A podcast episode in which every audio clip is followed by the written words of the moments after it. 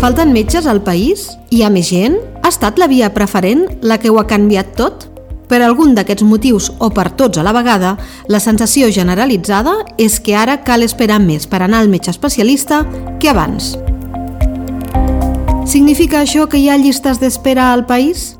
La resposta oficial és que no, però treballen en l'elaboració d'una planificació dels professionals sanitaris que fan falta per cobrir, diuen, les necessitats del sistema i del país.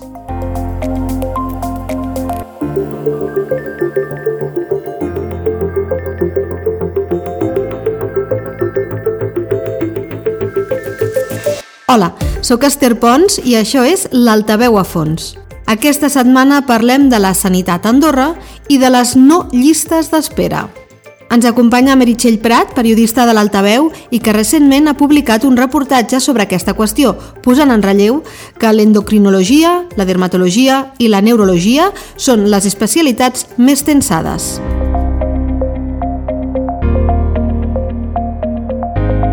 Hola Meritxell. Hola Esther. De seguida parlem de les especialitats on costa més que et donin hora si ho necessites, però abans eh, parlem de les llistes d'espera.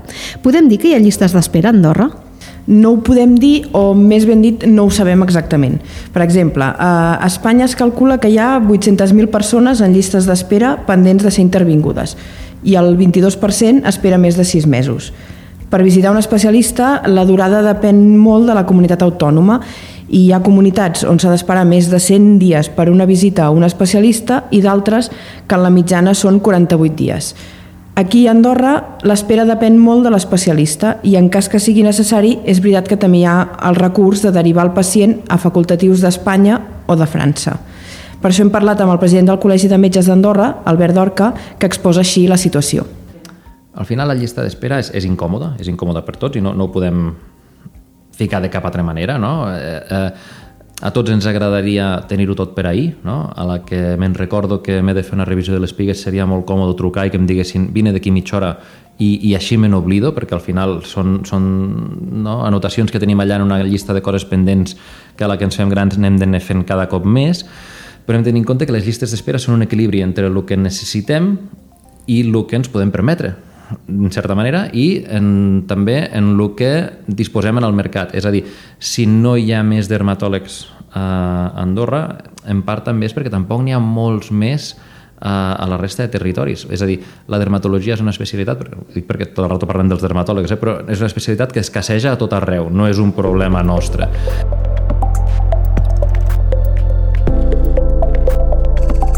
Per demanar hora és horrible tarden moltíssim.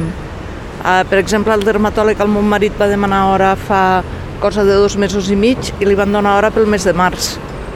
O sigui que moltíssim. Bueno, els meus especialistes triguen bastant, perquè jo el tinc hora amb hora, però jo és que ho tinc a fora, a Espanya. Jo estic tractada en un centre especialista a la Vall d'Hebron de Barcelona, llavors, clar, jo tinc hora d'any en any. Potser estàvem acostumats a una immediatesa, que vull dir ja no és tal, però vull dir els plaços tampoc són tan llargs. Quan heu hagut d'esperar? Bueno, per un especialista de vegades un mes. Pues sí, precisament no fa gaire vaig demanar hora per fer-me una revisió de varius, fa qüestió de dos mesos i m'han donat hora pel 5 de desembre, perquè ja sabem com està la situació ara mateix, a l'hospital també bastant ràpid, la veritat és que sí. Amb especialistes, bàsicament perquè són d'aquí de tota la vida i al coneguer-los pues, ja, anem, ja, ja anem per la via ràpida. Però és veritat que si tenim que passar pel metge de capçalera a esperar les derivacions i tot, entenc que és una miqueta més engorrós. Acabem d'escoltar alguns testimonis que hem recollit i en general s'entén que ara cal esperar més que abans per ser visitat pel metge especialista, però no en tots els casos.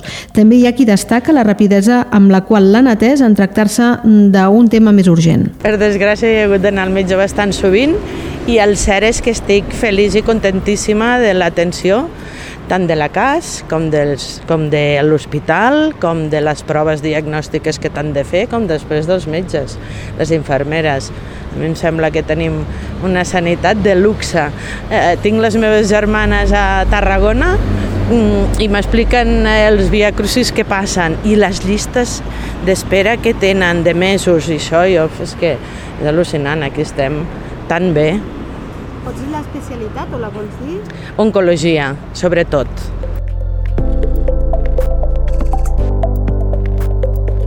I des de govern, el Ministeri de Salut, Meritxell, tenen informació sobre si hi ha o no aquestes llistes d'espera i en quines especialitats?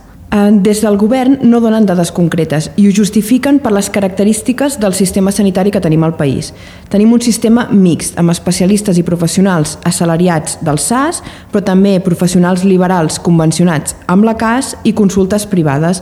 Per tant, el Ministeri veu complicat establir un registre únic dels usuaris de cada especialitat, ja que les dades estan condicionades per la lliure elecció de metge.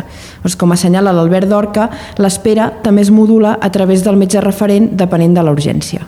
Aviam, també hem de dir que aquestes llistes d'espera hi són, però que la gràcia, per dir-ho d'alguna forma, de la, de la via preferent és intentar que dins d'una especialitat que tingui una certa llista d'espera, el metge referent pugui modular una mica aquesta espera eh, perquè en cas de que el que el pacient té sigui més urgent no faci la mateixa, la mateixa espera que una patologia més banal. Per dir-ho d'alguna forma, dermatologia, que és una especialitat que tenim ara mateix una certa llista d'espera, no és el mateix fer una revisió de pigues, que sí, que ha de fer un dermatòleg amb una formació, amb un instrumental específic, amb un temps determinat i que és, entre cometes, rutinària, malgrat que important, eh, no és el mateix això que quan detectem des d'atenció primària una lesió potencialment eh, maligna que creiem que s'ha de visitar ràpid perquè s'ha d'actuar i s'ha de cribar amb rapidesa. Aquí el metge referent pot eh, modular aquesta llista d'espera, pot intervenir per accelerar la visita d'aquest pacient i, en certa manera, mantenir un equilibri de, en el que, malgrat hi hagi llista d'espera, no se'n vegi repercutint negativament al pacient. Tot s'ha de dir, aquí a Andorra també tenim una sort o un sistema que, que comparativament amb el resto de països ens dona un cert avantatge, que és eh, pues ja està previst que si això passa i hem d'enviar un pacient i no tenim manera de fer-ho, eh, podem demanar que si la derivació ha de ser ràpida eh, i no pot ser satisfeta en uns plaços temporals X determinats, eh, aquest pacient pot ser visitat a Espanya o a França amb tota una sèrie de sistemes sanitaris on tenim conveni eh, amb cobertura per part de la Seguretat Social andorrana. Això no passa en lloc més. El que queda clar és que tot plegat és relatiu, perquè dos metges d'una mateixa especialitat poden tenir agendes molt diferents. Ho explica tant el president del Col·legi de Metges, Albert Dorca, com la directora del SAS, Meritxell Cossan. Ginecologia depèn de l'especialista. És veritat que ginecologia és una, és, una, és una àrea molt sensible, per dir-ho d'alguna forma, i en què la gent a vegades mmm, valora molt seguir amb el mateix professional que l'ha tractat sempre, i hi ha gent que té més llista d'espera i gent que en té menys. És a dir, hi ha, hi ha ginecòlegs que tenen un, una llista d'espera més llarga i altres que menys. No podem parlar de la ginecologia com a sector o com a especialitat on hi hagi més llista d'espera globalment. I al final tenir una xifra global d'encaix de llista d'espera perquè t'atengui un professional és molt difícil, perquè jo no tinc accés a quan donen hores a la consulta del doctor X. No? Sí que puc tenir una miqueta una idea del que passa dins el SAS, però no fora. És, és difícil també hi ha una altra cosa que juga a favor i en contra, que és la lliure elecció de metge, en el sentit de que hi ha gent que volen aquell metge i volen aquell metge i aleshores és igual esperar-se, quan en realitat igual el metge del costat mm, té una llista d'espera de tres setmanes. Això passa de vegades. Llavors, clar, mmm, bueno, és, és, aquí a Andorra el tema de les llistes d'espera jo penso que és molt enganxat amb els dits. No obstant això, Meritxell, sí que hi ha unes especialitats que preocupen especialment, que són endocrinologia, dermatologia i neurologia. Sí, en aquests casos el problema és que hi ha pocs professionals i el cas potser més paradigmàtic seria l'endocrinologia, que només tenim un professional. No és cap secret que l'únic endocrinòleg que tenim al país eh, té més de 50 anys, no? i és l'únic endocrinòleg que tenim al país. Doncs és que només pel sol fet de que sigui l'únic ens en falta endocrinòlegs, és evident. Pues a mi ja ha arribat un moment no? que, que vingui d'assalariat com a compte aliè o que vingui com a compte propi i es faci conveni amb la CAS, doncs al final el que ens interessa és tenir un endocrinòleg. Malauradament som suficientment petits com per eh, tenir uns marges de maniobra petits també, amb certes especialitats. Eh, el que deies, tenim ara mateix eh, acreditat amb la Seguretat Social andorrana només un endocrinòleg. Si demà l'atropella un autobús tenim un problema. Perquè això no passi, des del Col·legi de Metges es demana planificació. Malgrat som, som relativament petits estructuralment com per eh, tenir per tenir-ho tot cobert sempre, és a dir, hem d'assumir que tard o d'hora tindrem imprevistos i que tenim uns volums petits de, de professionals en certs sectors que ens fan tenir certa fragilitat, eh, creiem que hem de tenir les necessitats bàsiques cobertes i creiem que eh, entre tots els que participem de la sanitat, eh, des del Col·legi de Metges al, al Ministeri, a, a, a l'hospital com, a, com a centre hospitalari únic i més gran del país, o sigui, el, el, com el que aglutina més professionals sanitaris, hem de tots valorar quines són les necessitats de base que necessitem cobrir i què podem fer per preveure el futur, perquè, és a dir, que la gent es jubila quan arriba a certa edat és evident, però si sabem que d'aquí 10 anys potser se'ns jubilen eh, dos professionals d'una branca en què en tinguem 3 o 4, dius ara estem bé però d'aquí 10 anys tindrem un problema, tot això ho hem d'anar preveient una miqueta i una part del, del que vam demanar ja a la legislatura passada del Col·legi de Metges i que ens interessaria eh, preparant aquesta és mirar una mica més endavant que anar tapant forats quan tinguem problemes i establir necessitats bàsiques. Mm, potser podríem seure'ns i dir, mira, doncs, tenim només un endocrinòleg i seria bo pel volum de població que tenim i la patologia endocrinològica que més o menys sabem que tenim, tenir-ne, m'ho invento, eh? Tres. Pues els hem d'anar a buscar i fer una recerca activa, donar-nos a conèixer, donar veus, perquè si aquesta gent estan en hospitals on hi ha dèficit d'endocrinòlegs i ja intenten quedar-se'ls, si ja els incentiven allà i a sobre no ens coneixen, no vindran pues hem, de, hem de moure'ns una miqueta més, potser, en aquest aspecte. L'altre problema i que contribueix al fet que hi hagin esperes és la dificultat per fer venir professionals al país. Fer arribar els especialistes que ens falten no és fàcil. No, no ho és. Eh, D'entrada, la manca de professionals i de determinats especialistes no només afecta Andorra i, per tant, encara fa més difícil atreure'ls cap aquí. Això, sumat a les dificultats per trobar habitatge o la impossibilitat de fer recerca, doncs encara ho posa més difícil.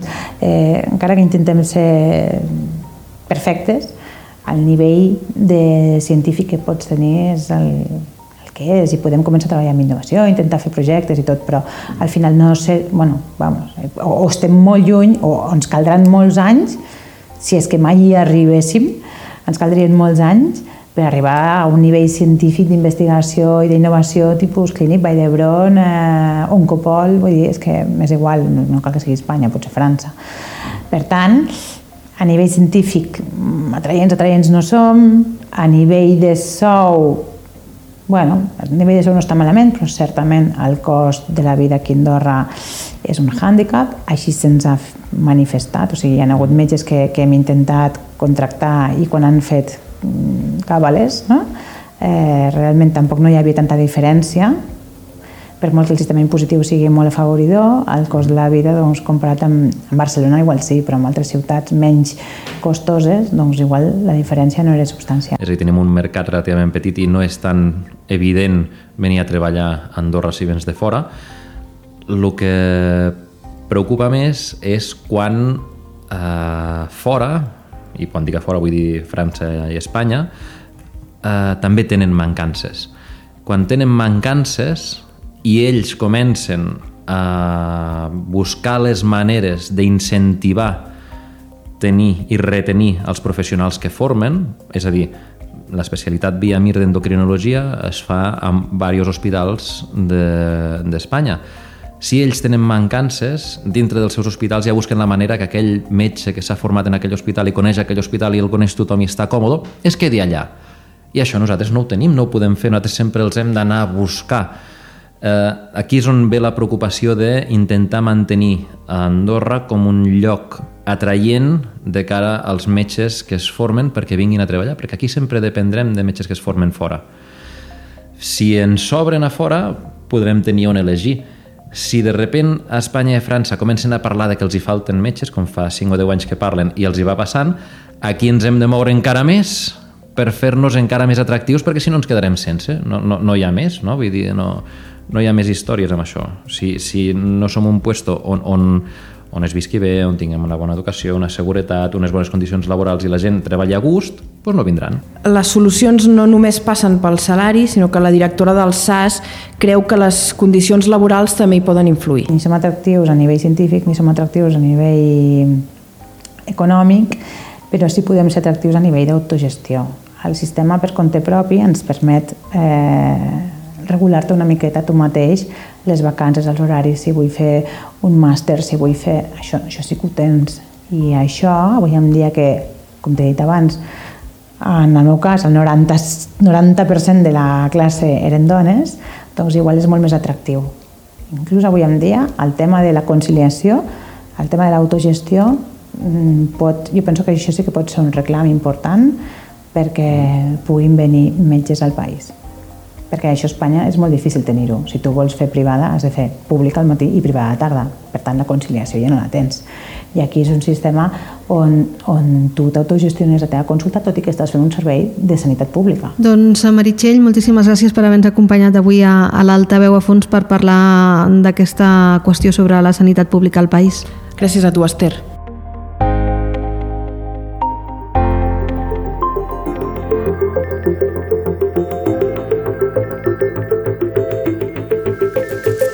Els pròxims 5 anys a Catalunya s'espera, a més, una jubilació massiva de metges, cosa que farà augmentar la competència per captar talent. Per això és important preveure les necessitats del país amb antelació i ser capaços d'oferir un entorn laboral i vital atractiu. Això ha estat l'Altaveu a fons. Aquest episodi ha comptat amb la col·laboració de Meritxell Prat i també d'Alba Baró. L'ha realitzat qui us parla, Esther Pons. Espero que us hagi agradat. La setmana vinent tornem amb més històries.